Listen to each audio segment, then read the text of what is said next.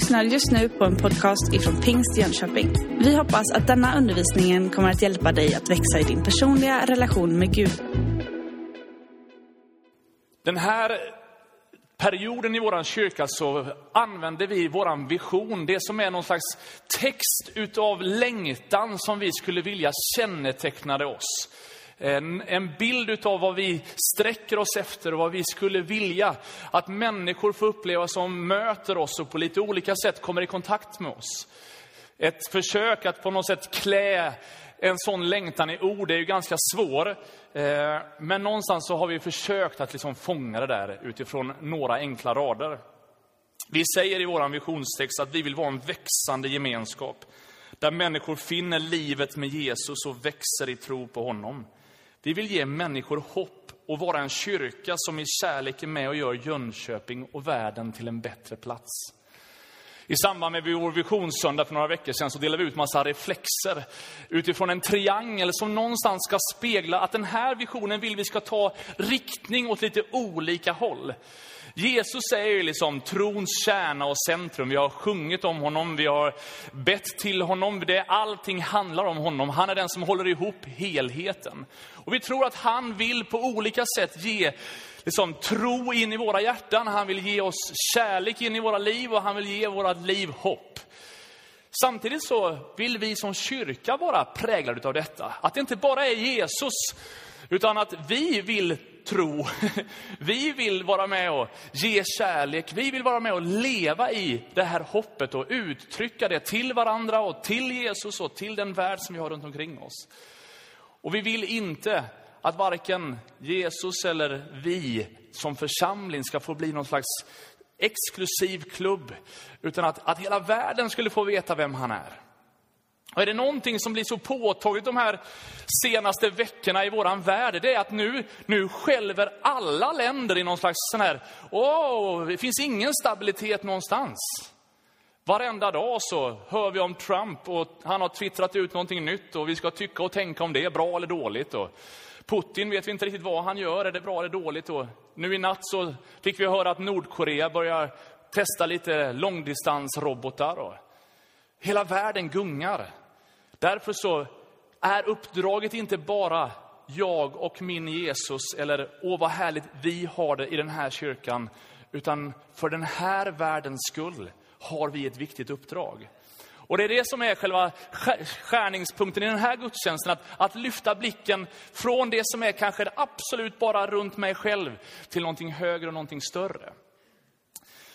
Det var en eh, tre stycken personer som tog sina sista andetag samtidigt på jorden och stod där en dag vid himmelens port. Och de kände ju inte varandra innan och de bara pratade lite grann med varandra. Och någonstans förstår de att det är tre vitt skilda personer. Det är en missionär som har rest över stora delar av världen och startat församlingar och sjukhus och skolor och varit med och tagit liksom evangeliet till jordens yttersta gräns. Det var en annan av dem, var, han var pastor i en församling, han hade predikat hur många söndagar som helst. Eh, han har skrivit böcker, han har varit med och gjort liksom bibelskolor och han har liksom till och med haft liksom program på Youtube. Och så var det en ganska blyg äldre liten dam som någonstans ingen riktigt visste vem det var. Och så står de där vid himlens port och så står liksom änglarna där och hälsar välkommen. Och bland alla änglar så är, liksom, är det liksom flera som kommer fram. Och det är liksom en som står där bredvid Gabriel och liksom hälsar välkommen i dörren. Åh, vad roligt att ni är här. De frågar liksom så här, hej, vill ni komma in? Liksom så här, liksom, ja, absolut, vi vill komma in. Ja, men känner ni Jesus? Liksom? Och den här missionären var absolut att jag känner Jesus. Du vet, jag har predikat om Jesus i hela Europa, i hela Afrika. Oj, vad jag kan olika språk. Jag har varit med och översatt Bibeln till och med till massa olika språk. Och nu har vi liksom tagit, liksom, åh, vad bra, vad härligt. Tänk att du har gjort så mycket, vad härligt. Ja, men välkommen in du, liksom. Så kom pastorn fram och liksom, men, känner du Jesus? Ja, men absolut. Att jag, du vet, jag har varit en predikant hela livet. Liksom. Jag har varit med i söndagsskolan, jag har varit söndagsskollärare tidigt och sen redan som 12-åring så började jag predika på ungdomsmötena och sen liksom, som 18-åring gick jag ut på fältet och jag bara har predikat ända liksom, sen dess. Och jag har haft så mycket möten. Ja, vad spännande, vad roligt, välkommen in du. Och så tittade liksom de här, på den här äldre damen och bara liksom, men känner, känner du Jesus? Och den här damen bara tittade upp med ett leende och bara, klart jag känner igen dig Jesus. Och så kramar de om varandra där i porten. Ibland så har vi en tendens att tänka kristen tro och tänka att det som har med kristen tro att göra är allt det där som vi ska göra för honom. Och att någonstans, jag ska göra det här, jag ska göra det här. Och när vi pratar om att ta evangeliet till hela världen så blir det lätt liksom att det blir ett uppdrag som blir mycket fokus på vad jag ska prestera och göra. Men du vet, grundkallelsen i den kristna tron, det är när Jesus säger kom och följ mig. Lär känna mig, umgås med mig. Kom, jag vill vara dig nära. Jag älskar dig, jag bryr mig om dig. Och därför säger Bibeln att vi älskar därför att han har älskat oss först.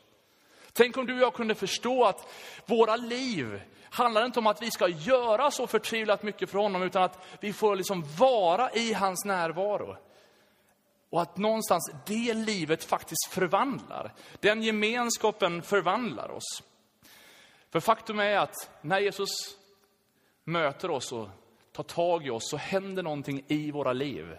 Där vi får bli bärare av samma hjärtslag som han är. Vi får bli lika honom. Och Jesus säger strax innan han dör på korset så ber han för alla sina lärjungar och han ber för alla de som kommer komma till tro genom lärjungarnas vittnesbörd. Så att där ber han även för dig och mig och han säger så här, som Fadern har sänt mig sänder jag er. Och sen fortsätter han så här i slutet på Matteus 28, välkända ord från missionsbefallningen. Åt mig har getts all makt i himlen och på jorden. Gå därför ut och gör alla folk till lärjungar. Döp dem i Faderns och Sonens och den helige Andes namn och lär dem att hålla alla, allt som jag har befallt er. Och se, jag är med er alla dagar till, till tidens slut. Det här är en enorm proklamation. Och ett tips till dig är att varje gång som Bibeln har ett därför, så kommer det liksom någon slags, det är svaret på någonting som har sagts innan. Det finns alltid ett varför innan ett därför. Och ju mer du läser Bibeln kommer du hitta ganska många ställen som det står därför. Och så är det liksom en bra fortsättning där. Men alla de där därför-orden bygger på någonting kraftfullt som har sagts innan. Varför ska vi gå ut och göra alla folk till lärjungar? Vad är det som gör att någonstans det här liksom budskapet måste nå fram? Jo, för att åt mig har getts all makt i himlen och på jorden. Och läser vi mer om vad det där allmaktet står för och är, så förstår vi att ingen människa behöver leva i mörkret. Ingen människa behöver leva i fruktan. Ingen människa behöver leva i någon slags hopplöshet. Ingen människa behöver somna på kvällen och vara förtvivlad över att sitt liv inte har någon mening. Varje människa kan få uppleva att någonting händer på insidan för att han har all makt i himlen och på jorden. Så att det som människor kan vara fångna i, kan vi få uppleva frihet från. Och det budskapet vill Gud att det ska nå fram till så många som möjligt. Det står om Jesus i Markus kapitel 6. Hur han reste med lärjungarna och när han mötte människor så såg han hur illa medfarna alla dessa människor var. Och hans hjärta fylldes med medlidande. Han, han bara kände, jag måste bara förbarma mig över de här. Jag måste bara ta hand om de här människorna, för de är så illa tilltygade. De är som får utan herde. Människor tilltufsade av livet. Slagna av alla omständigheter och alla situationer runt omkring. Det verkar som att ingen tar hand om dem. Och Jesus, hans hjärta brister och säger bara, jag måste bara förbarma mig över de här. Och det är hans faders hjärta som är orsaken till att hela liksom den här missionsbefallningen sen rullas ut. Sen utmanar han de som har kommit till tro på honom att gå därför ut. Och någonstans blir det en utmaning för oss att inte bara tänka att vi ska samla alla här inne. Det handlar om att liksom, någonstans får de komma. Är det någon som är nyfiken på Gud får han väl fråga. Utan att vi faktiskt tas med på ett äventyr med Gud där vi får kliva ut utanför det som är våran hemmaplan och ta evangeliet till människor som ännu inte har hört. Just nu är vi som kyrka med och hjälper ett en liten folkgrupp som rör sig mellan massa olika länder i Sydsudan och liksom länderna runt omkring där. Vi ger dem ett eget skriftspråk. De har aldrig någonsin kunnat skriva på sitt språk förut. Vi hjälper dem just nu med ett skriftspråk. Och i samband med att vi ger dem ett skriftspråk så hjälper vi dem med att få Bibeln översatt till sitt språk. Och någonstans handlar det om att ta en del steg ut till andra människor. Men ibland så märker jag själv att det där steget ut kanske inte är så långt. Kanske inte behöver vara liksom till Sydsudan. Det kanske bara är på andra sidan gatan till min granne. Det kanske inte heller är så långt så att det till och med är att jag fysiskt behöver gå, utan det kanske egentligen bara handlar om att imorgon vända huvudet lite grann åt höger, ställa en lite annorlunda fråga till den arbetskamrat som du alltid fikar med, sådär lite extra på måndagar. Gå ut, ta ett initiativ, vara med och gör någonting. Ibland så pratar vi om att vi vill se väckelse och vi menar att vi vill se många människor komma till tro. Men när jag läser väckelsehistoria, de där tidepokerna i historien där många människor har kommit till tro, så förstår jag att det inte bara är någonting som råkade hända helt plötsligt, utan nästan varenda gång så lyser det igenom väldigt tydligt att det är människor som har bestämt sig för att inte bara längta efter, utan någonstans leva det där. Och att väckelse är någonting som faktiskt vi kan vara med och göra och skapa och forma. Även om det ytterst sett bara är Gud som kan dra människor till sig, så kan vi få vara med och be och vi kan få vara med och plantera frö och så får Gud ge sin växt till det. Jesus säger att gå därför ut och gör alla folk till mina lärjungar. Kanske har det inte funnits en tid på länge då det har varit viktigt, eller så viktigt som nu, att tala ut att vara en kyrka för alla folk. Man blir ju mörkrädd när man tittar lite grann i kommentatorsfältet på en del nyhetsreportage. Och man bara känner så här, är, är det så här på riktigt som folk tänker? I Apostlagärningarna 1 så kommer en missionsbefallning i en liten annan tappning från Jesus. Han säger så här, men när den helige Ande kommer över er ska ni få kraft och bli mina vittnen i Jerusalem, i hela Judeen och Samarien och ända till jordens yttersta gräns. Jesus säger att den dagen som den, när ni tar emot mig och börjar leva för mig, så kommer ni också få den helige Ande som en gåva från mig. Och den där anden är inte bara till för att ge lite mysfaktor här på insidan. Det är någon slags braskamin i ett hus som egentligen inte behöver någon uppvärmningssystem. Nej, alltså andens närvaro är härlig. Men den är till för att ge dig kraft, energi och frimodighet att kliva ett steg längre. Och i den här beskrivningen av Jerusalem, Judeen, Samarien och till jordens yttersta gräns så förstår vi att det finns en del gränser som vi behöver kliva över ibland. Och de kan vara geografiska, absolut. Jag tror att när vi säger ja till Jesus så behöver vi också ibland lägga passet där och säga bara Gud, ta mig vart du vill. Vill du använda mig någon annanstans, gå. Jag, jag vill gå, alltså. jag, bara ta mig. Här är mitt pass också. Plånboken, det har vi redan pratat om. Men ta passet, ja, södra Spanien vore ju härligt. Tänk man skulle få kallelse till Hawaii. Bara komma till missionsledningsteamet. Jag känner någonting alltså här. Undrar om man skulle bli tagen på allvar. Men har Gud sagt det, då är det ju bara att gå. Men du vet, i våras så hade vi några människor från vår församling som hamnade i lite trubbel i Ryssland. Och i samband med den där teamresan så bad vi mycket för Ryssland och i samband med att vi bad mycket så kände jag en, en verkande längtan i mitt hjärta. Bara, Gud, vi måste göra något i Ryssland. Och så öppnade Gud en dörr för mig att komma dit i, liksom, i juni. Ett dygn var jag i Moskva. Jag bara hade en sån längtan att ställa mig på Röda torget och bara be en bön. Och när jag stod där och bad så kände jag bara, Gud förbarmade över den här platsen. Och sen så öppnade Gud en dörr till så att bara för några veckor sedan så fick jag vara i Moskva igen och predika på en pastorskonferens. Och det var, jag sa till pastorn att jag, jag har bara en enda liksom, längtan under tiden. du kan använda mig hur mycket som helst, gör hur mycket möten som helst, men jag vill stå på Röda torget en gång till. Varenda gång jag har möjlighet att komma dit så vill jag stå på det där torget, jag vill be en bön för det landet. Samtidigt så märker jag att det är farligt att börja be för ett annat land. För det händer någonting i hjärtat som gör att man faktiskt inte längtar så mycket till Spanien, utan någonstans får man de här konstiga platserna i hjärtat. Så det är ju farligt att be, men eh, härligt också. Men anden hjälper oss att korsa en del geografiska gränser. Men vi behöver också kliva över en del andra gränser som kanske är demografiska. I fredags, det var så starkt när vi kallade fram en, hon som var äldst, Ingegärd. Jag vet inte om Ingegärd är här i rummet nu. Ja, hon var i alla fall, hon kom fram på estraden tillsammans med den som var yngst. Och så fick vi tala om att som församling kommer vi aldrig bli en kyrka som tycker likadant om allting.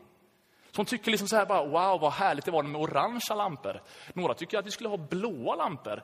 Några tycker inte vi ska ha några lampor alls. Eller du vet, så det finns ju hur mycket som helst av åsikter. Vi kommer aldrig nå fram till att tycka lika om allting. Men ett hjärta och en själ ligger inte i åsikten om saker. Det går mycket djupare. Och när anden kommer så är det även att någonstans de där gränserna på något sätt får suddas ut. Vi får bli ett syskon i Gud på riktigt. Som är oberoende av ålder. Gammal och ung tillsammans. De här etniska gränserna. Ja, jag är glad att vi får tillhöra en kyrka som på olika sätt har bestämt sig för att vara en kyrka för alla folk. Jesus säger att han vill att hans hus ska få vara ett bönens hus för just alla folk. Så är, det du, är du med i vår gudstjänst idag som är född i ett annat land än Sverige, så är du ett bönesvar för oss. Att du är här. Om du kommer väldigt långt bort och känner liksom att det finns mycket i kulturen du inte förstår, så hoppas vi ändå att du ska känna dig hemma i vår gemenskap. Vi vill fortsätta att vara en mångkulturell kyrka, där vi i andens kraft hittar en andens enhet som är oberoende av både geografi, demografi eller etnicitet. Nu ska jag inte hänga ut dig, men du har ju en fantastisk hatt. Jag sa det till dig alldeles nyss innan. Den är ju helt enastående. Oavsett om du har hatt, eller om du har en sjal, om du har kavaj eller om du har en t-shirt. Ibland så kan kulturella gränser skapas och någonstans kan det vara outtalade gränser som någonstans gör om man passar in eller inte. I vår kyrka så har vi också bestämt oss för att vi vill vara en kyrka för alla sorters människor. Vi vill inte att Jesus ska få vara exklusiv bara för de som har ett jobb eller de som bara är på det här sättet eller som tycker att det här är roligt. Utan att alla sorters människor får tag på evangeliet. Det är en utmaning att korsa de här gränserna. Men den heliga Ande kan ge oss kraften och nåden och hjälpen att göra det. Ibland så möter jag människor som är oerhört annorlunda än mig själv. Alltså sådär jobbigt annorlunda. Man känner att man har verkligen ingenting gemensamt. Så har du aldrig känt. Var, ibland hamnar man ju på bröllop och så blir det en bordsplacering man inte själv valt. Och så märker man bara att det här blir bara svårt. Så, det har du aldrig känt. Du är alltid glad, trevlig, superbra. Ibland märker jag att Åh, det, här är, det här är lite obekvämt. Ja, vi, vi, vi kopplar liksom inte riktigt, det liksom stämmer inte riktigt. Och ibland så kan de där olikheterna göra att man distanserar sig. Men det jag märker är att ju mer Faderns kärlek drabbar mitt hjärta, ju mer orkar jag med en del människor som jag på ett sätt i mig själv inte riktigt som är likadan som.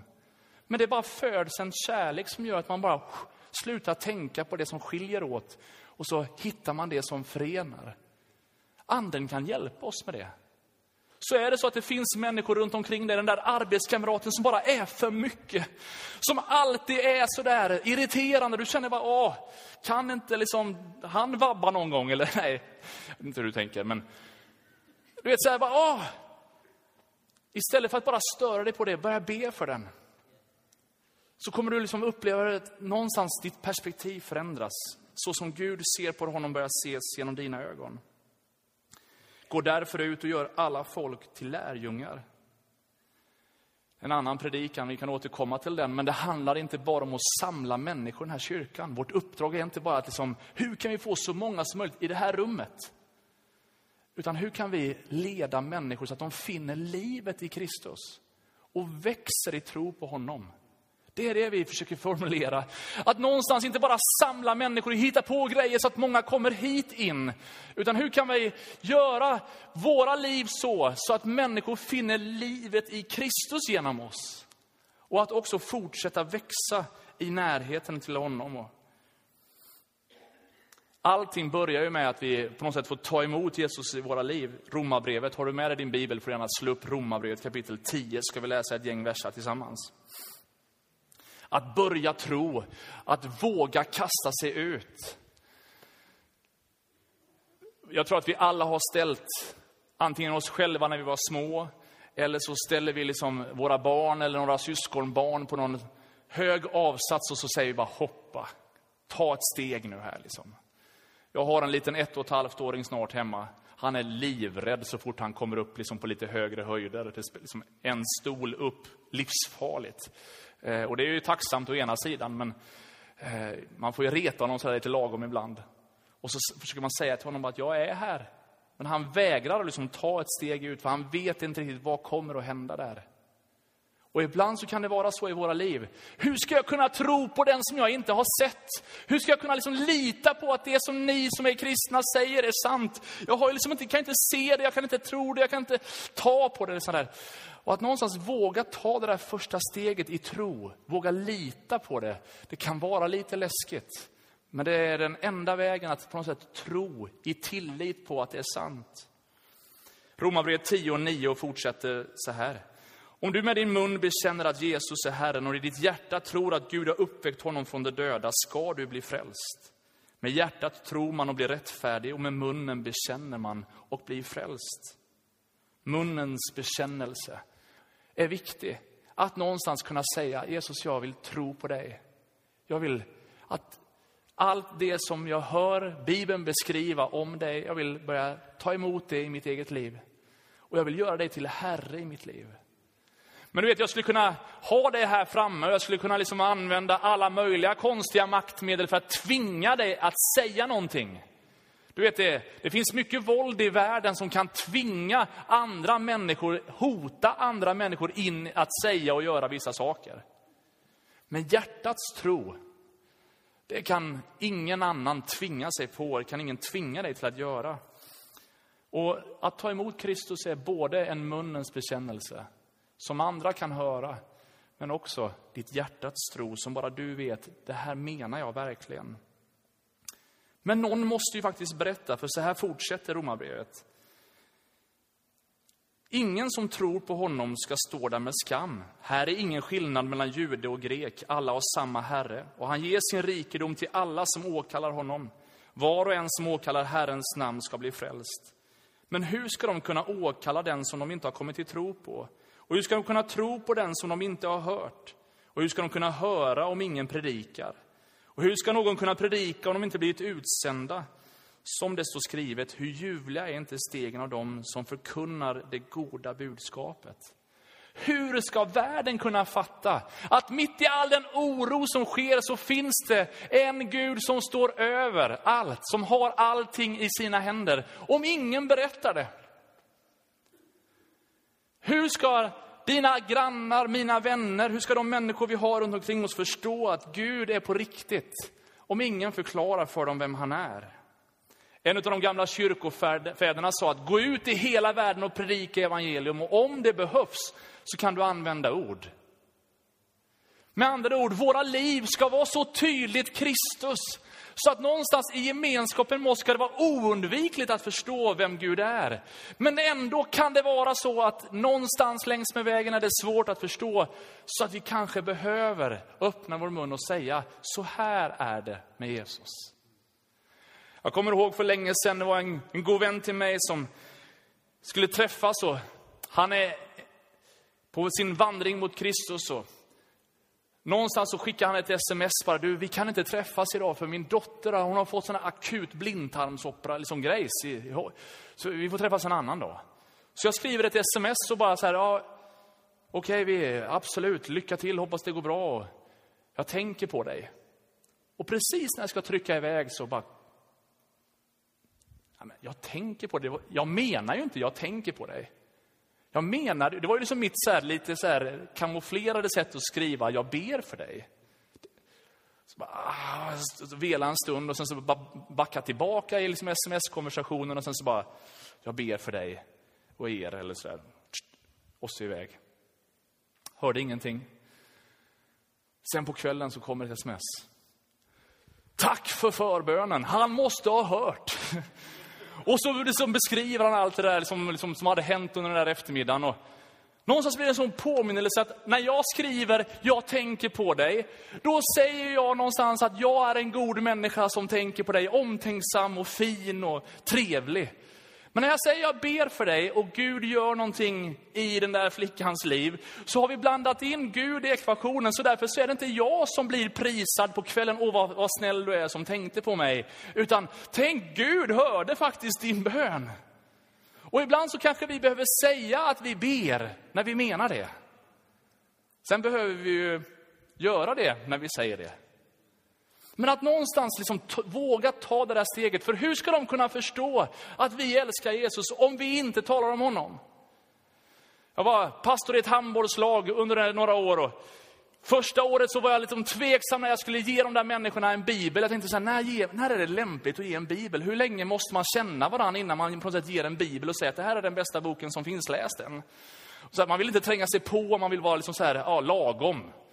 Så jag liksom var ambivalent hela den där säsongen och kände bara, när är det läge? Nu är det inte läge. Nej, nu, aj, aj, jättevelig var jag. Sen efter en stund så kände jag bara, nej men nu, nu hade liksom säsongen varit över. Vi skulle ha en sista eh, träning innan liksom, vi skulle skiljas åt under några veckor innan nästa säsong skulle börja. Jag tänkte, nu ska jag ge tillfälle. Och så ger jag alla en bibel och liksom säger några ord där på, i samband med träningen. Och sen kommer en av han som är lagkapten fram till mig och säger han bara, du, det här hade jag förväntat mig att jag skulle fått för länge sedan. Och jag bara, alltså jag fattar inte. Alltså, och så förklarade han. Han visste ju den tro jag bar.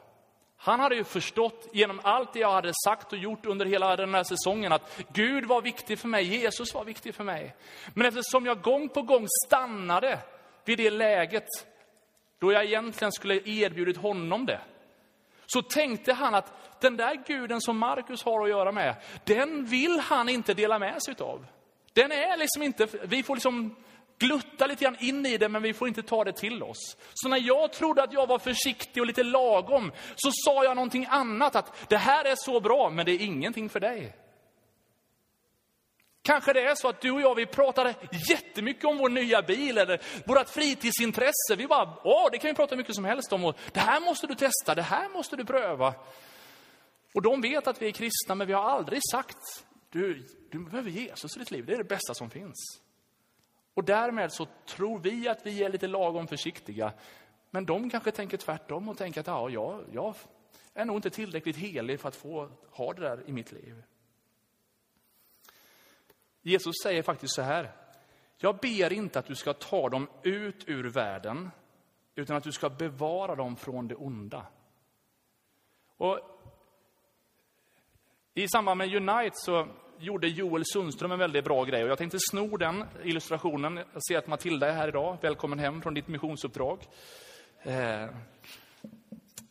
och jag ska skruva lite grann på den här illustrationen. Men om den här stolen får på något sätt gestalta det liv som jag lever. Här är, här är mitt liv, så här är jag. Det här är mina 24 timmar om dygnet.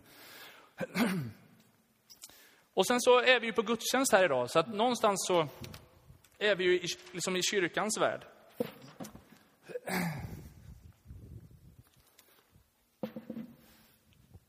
Och sen så har vi ju det som är alla dagar då jag inte är just i den här byggnaden tillsammans med alla andra. På något sätt den här världen som jag lever i. Ibland så kan det vara så att man läser Bibeln och så tänker man så här att när Bibeln skriver om världen så säger han att vi, vi ska inte vara som världen. Och på något sätt, vi ska, det här kan vara någon slags konstig del som vi på något sätt ska hålla oss borta från. Vi ska inte se till så att världen på något sätt präglar oss för mycket. Missuppfattningen som lätt blir då, det är någonstans att man distanserar sig från allt av människor som bor i den här världen. Det Bibeln säger om världen är världens sätt att tänka, världens värderingar och det som på något sätt formar en hel del saker av det som är världsligt. Och för att någonstans försöka bevaras ren och fri från detta, så kan man på något sätt, ah, men jag försöker ställa mig, liksom, jag vill inte bli för mycket sådär, utan det är bättre att jag liksom får präglas mer av det här. Så att jag liksom, här borta är det rent och fint och här hör vi ihop och här är det Gud och Jesus och halleluja och härligt och, och det här är liksom farligt och här ska vi hålla oss undan. Sitt inte där bespottade sitter, var inte där. Liksom. Och så håller vi isär det. Problemet är att i den tiden vi lever i så är vi så individualistiska så att vi helst gärna vill ha kyrkan här borta. Och så eh, på något sätt så kan jag ta mitt liv och så kan jag liksom vara mig själv hela tiden. Det är jag och vad jag tänker och vad jag gör. Och någonstans ibland på söndagarna så närmar mig den här och är lite kristen ibland. Men eh, någonstans vill jag inte på något sätt bli för involverad. Och liksom, det, här liksom, ah, det är mer någonting jag går till än någonting som jag är. Och sen så eh, ska jag bo, jobba imorgon och, och så går jag lite grann åt det här hållet och så på något sätt är jag på min arbetsplats. och så är jag, På något sätt så är jag inte riktigt som alla andra på jobbet, men någonstans så lever jag mitt liv. Och så delar jag in på något sätt min tillvaro i min kyrkvärld, eller min egen lilla sfär, eller min liksom arbetssituation eller fritidsintresse. Vi kan liksom, skulle kunna ha flera olika stolar med olika världar som vi på något sätt är en del utav. Problemet är att det blir väldigt schizofrent i våra liv. För här kan jag vara på ett sätt. Här, på något sätt, när ingen annan ser mig så är jag på ett annat sätt. Och här kan jag bete mig liksom på ett helt annat sätt. Och så ska jag försöka vara i de här världarna. Problemet är ju någonstans om de här världarna på något sätt kommer väldigt nära varandra. Hur i hela friden ska jag nu vara? För de som är vana att möta mig här, de känner ju inte igen mig när jag är lite grann så här. Och vad ska de säga nu? Och när jag... Så har du aldrig tänkt. Hade med mig en kompis på gudstjänst och han kände inte någon annan, så han frågade om han fick sitta med mig på första bänken. Och det tänkte man, ja absolut, klart du får. Och så tänker man så här bara, hur ska jag nu göra? Jag brukar ju lovsjunga så här, liksom, och så här. Och så på något sätt börjar man tänka på ett annat, så här, hur, och så fick man bara bestämma sig för att, nej men, jag är ju den jag är. Liksom. Det spelar liksom ingen roll vem som står till höger eller vänster om mig. Eller hur? Det som är utmaningen, det Jesus säger är att han vill att våra liv ska vara en helhet. Vi lever i en värld. Han säger att vi är världens ljus, jordens salt. Men hur ska den här världen kunna få tag på världens ljus? Fall de som är ljuset inte är där mörkret är. Vem ska gå? Till de platser, till de människor, till de sammanhang.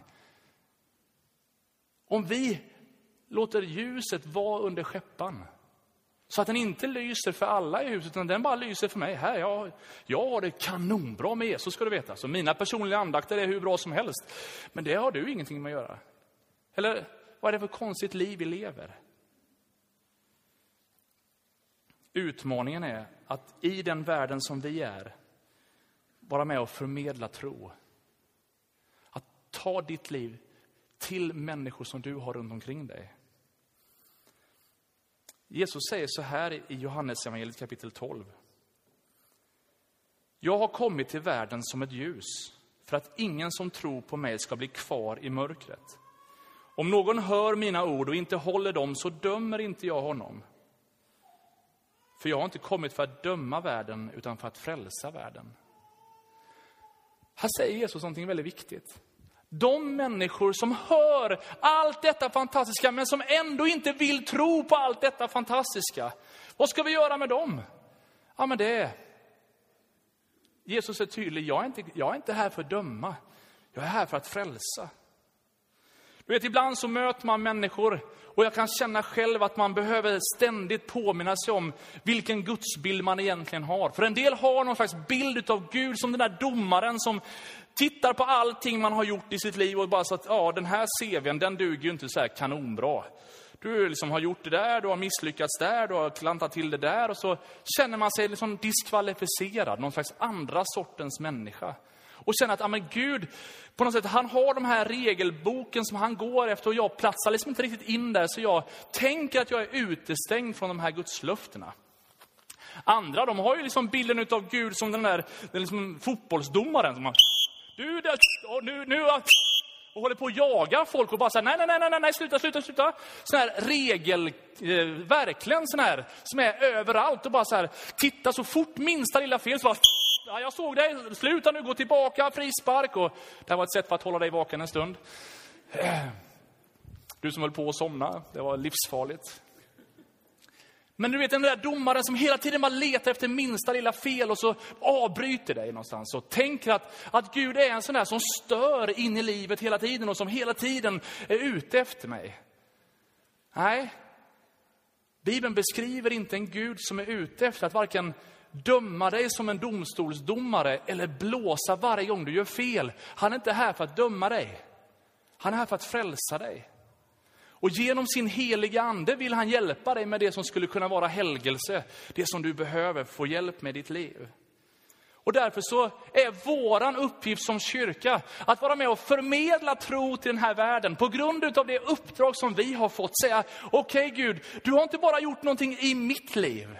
Du har inte bara gjort någonting i våran församlingsliv, utan du vill göra det här i hela världen. Och ingen människa ska behöva gå och lägga sig på kvällen och undra, om jag har en chans att vara med och berätta att ditt liv har ett värde. Jag pratade med några läkare häromdagen som beskriver den psykiska ohälsan i Sverige som någonting katastrofalt. Det verkar som att trots all upplysning vi har, all frihet vi har, alla förutsättningar vi har, så är det oerhört många människor som undrar på riktigt vad livet har något värde. För den här världens skull så behöver du och jag anta utmaningen och säga Jesus, kan jag göra något? Kan jag vara en, ett ljus för dig? Så vill jag vara det. Så att någon den här dagen får byta sorgedräkten till någonting annat. Depressionen, svårigheterna, sorgen, smärtan, meningslösheten, hopplösheten får kläs av. Och så får man liksom livet tillbaka igen, glädjen tillbaka igen, kraften tillbaka igen, hoppet tillbaka igen. Och med tanke på hur många människor det är som far illa, så känner jag, Gud, låt oss som församling få vara mer och mer lika dig. Jesus, han såg människorna. Och det gjorde någonting med honom. Han var inte upptagen bara med sitt eget, utan han såg människorna runt omkring sig. När du går från bänken alldeles strax och vi ska ha kyrkkaffe, titta andra människor i ögonen. Titta liksom. Prata uppmuntrande ord till varann. Men också när du möter människor i din vardag nu veckan som kommer. Lyft din blick. Och när du ser människor som far illa, när du ser människor som ser lite nedstämda ut, så vill Gud använda dig till att vara ett ljus som lyser upp deras värld. Gud vill använda dig att liksom tala tro och hopp in i den här tiden. Och jag skulle bara vilja uppmuntra dig att om det behövs, använd dina ord, men låt Kristus skina genom dig. Du har just lyssnat på en podcast ifrån Pingst Jönköping. För att få reda på mer om vilka vi är och vad som händer i vår kyrka så kan du gå in på pingstjonkoping.se eller följa oss på sociala medier via pingstjkpg.